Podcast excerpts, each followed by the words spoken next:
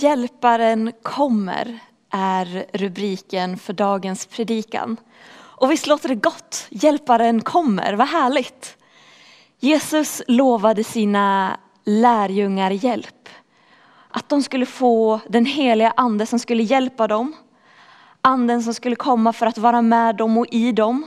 Som skulle trösta dem, leda dem, hjälpa dem hjälpa dem att lära känna sanningen och påminna om vad Jesus har sagt och vad Jesus har gjort och vem Gud är. Den heliga ande som skulle ge dem kraft.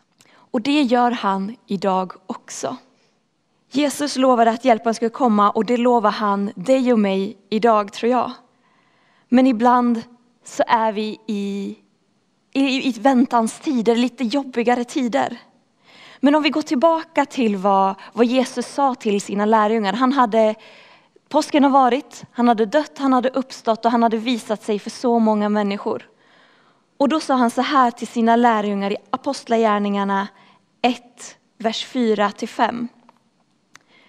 Vid en måltid med apostlarna befallde han dem, lämna inte Jerusalem, utan vänta på vad Fadern har lovat, det ni har hört om mig. Johannes döpte med vatten, men ni ska bli döpta med den helige ande. I Lukas kan vi läsa att Jesus sa, stanna i staden tills ni blivit utrustade av kraft från höjden. Jesus sa, stanna hemma. Vänta en liten stund, ni kommer få hjälp, ni kommer få kraft. Och några verser senare i Apostlagärningarna så kan vi läsa, då har Jesus fått, fått fara upp till himmelen. Och då läser vi att lärjungarna vände tillbaka till Jerusalem från berget som kallas Olivberget och ligger nära staden, en sabbatsväg därifrån. När de kom dit gick de upp i en sal på övervåningen där de brukar vara. Petrus, Johannes, Jakob, Andreas, Filippos, Thomas, Bartolomeus, Matteus, eh, Jakob, Alfeus son, Simon Seloten och Judas, Jakobs son. Alla dessa höll ut i bön tillsammans med några kvinnor, Jesu mor och hans bröder. De höll ihop och de bad och de väntade. Jag kan tänka mig att de kanske var lite rädda, lite oroliga. De var lite förvirrade efter allting som hade hänt. De hade fått löfte om hjälp, så de väntade. Men just nu kanske, kan jag tänka mig att det kändes osäkert och det kändes kändes tomt på något sätt. Men de bad, de höll ihop och de bad. Och sen kan vi läsa om nästa kapitel, om hur den heliga ande kom och det är det vi firar nästa vecka, pingstdagen. Hur de fick den här hjälparen, de fick kraft att gå ut och hjälpa andra människor och sprida den kärlek som de har fått uppleva. Jag tror att vi många gånger kan hamna där i livet. En tid där ja, men det är mitt emellan, det kan kännas tråkigt. Det kan kännas jobbigt, en tid av, av väntan, där det inte, det inte händer någonting riktigt. Man längtar efter något, man kanske är rädd, man kanske är orolig, precis som lärjungarna var. Man kanske känner en frustration och en förvirring. Och just nu sitter många, ja nästan hela världen i en, en sån här situation. Där allting känns väldigt oklart där allt känns osäkert och orofyllt. En tid då, då folk söker efter ett hopp som verkligen håller. En tid då vi verkligen behöver hjälparen, en tid vi verkligen behöver Gud. Och ibland kan den här väntan kännas väldigt lång. Och det kan öka frustrationen. Eller så kanske man blir helt passiv och inte gör någonting.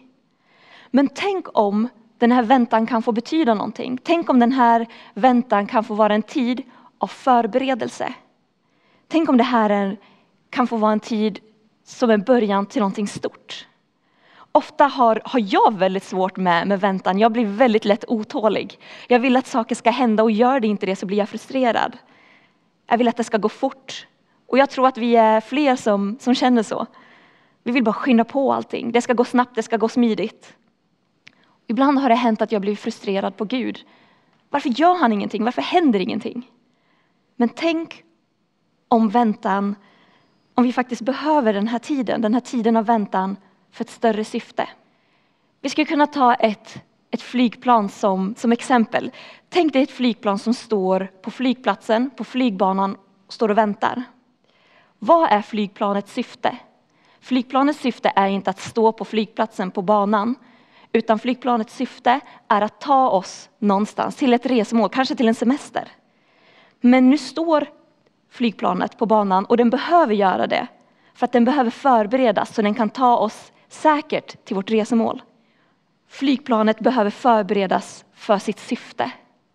Och det vi kanske inte ser är att det finns någon som arbetar på flygplanet, som förbereder flygplanet för sitt syfte.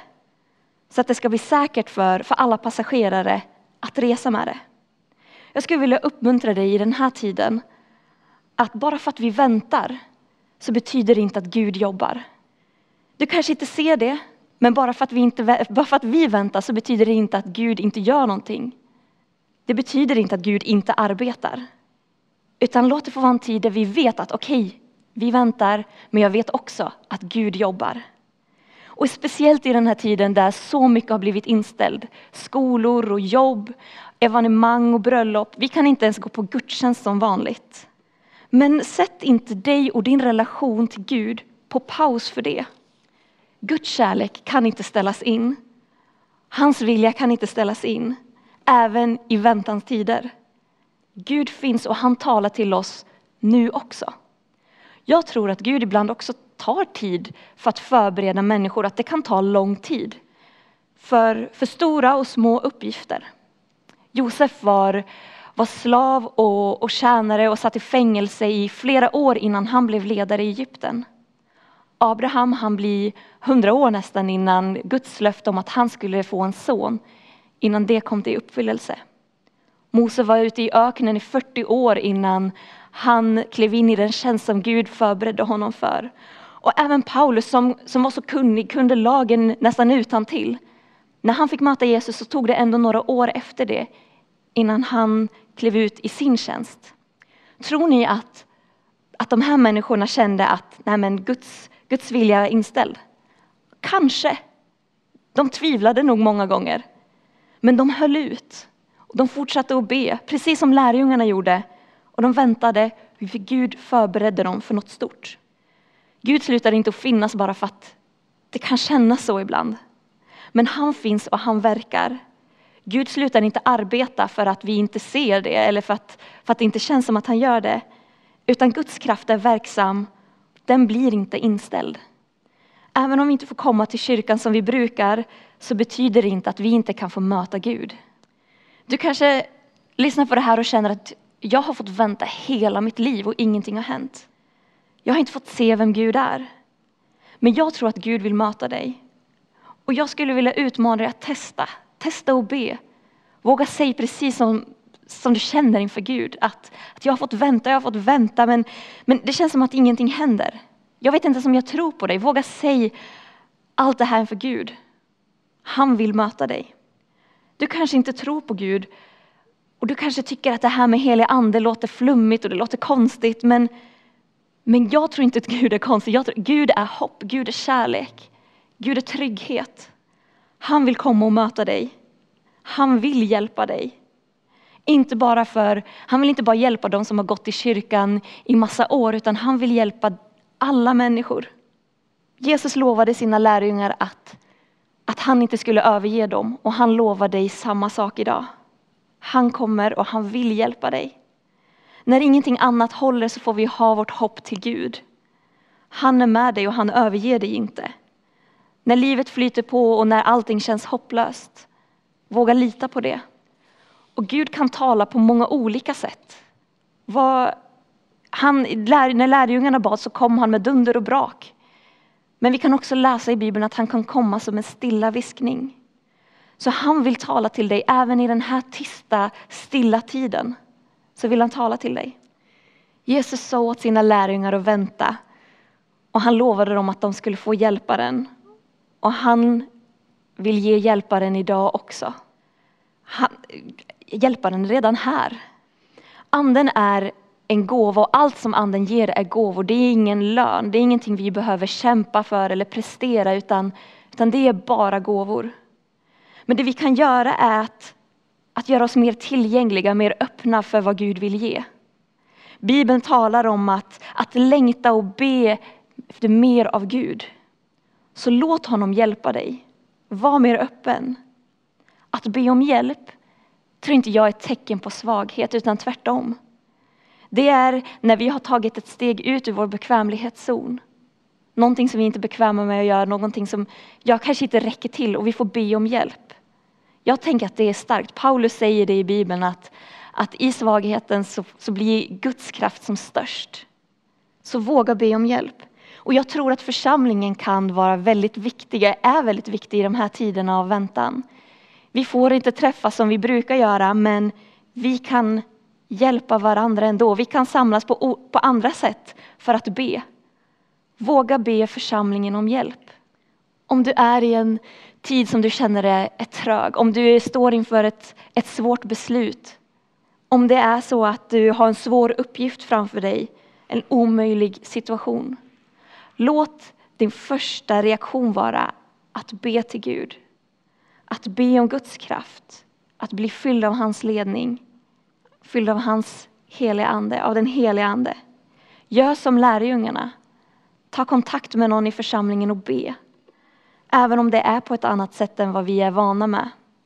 Men man kan be tillsammans ändå. I väntan så kan vi växa. I väntan kan vi förberedas. I väntan så kan vi upptäcka nya saker i livet med Gud. Låt inte tron sättas på paus. Låt den inte bli passiv i den här tiden. Bara för att allt annat har behövt sättas på paus. Låt, låt det vara tvärtom. Sök Gud. Låt han få förvandla dig. Bibeln säger detta är dagen som Herren gjort. Det kommer inte pausas, utan lev i förväntan istället. Amen.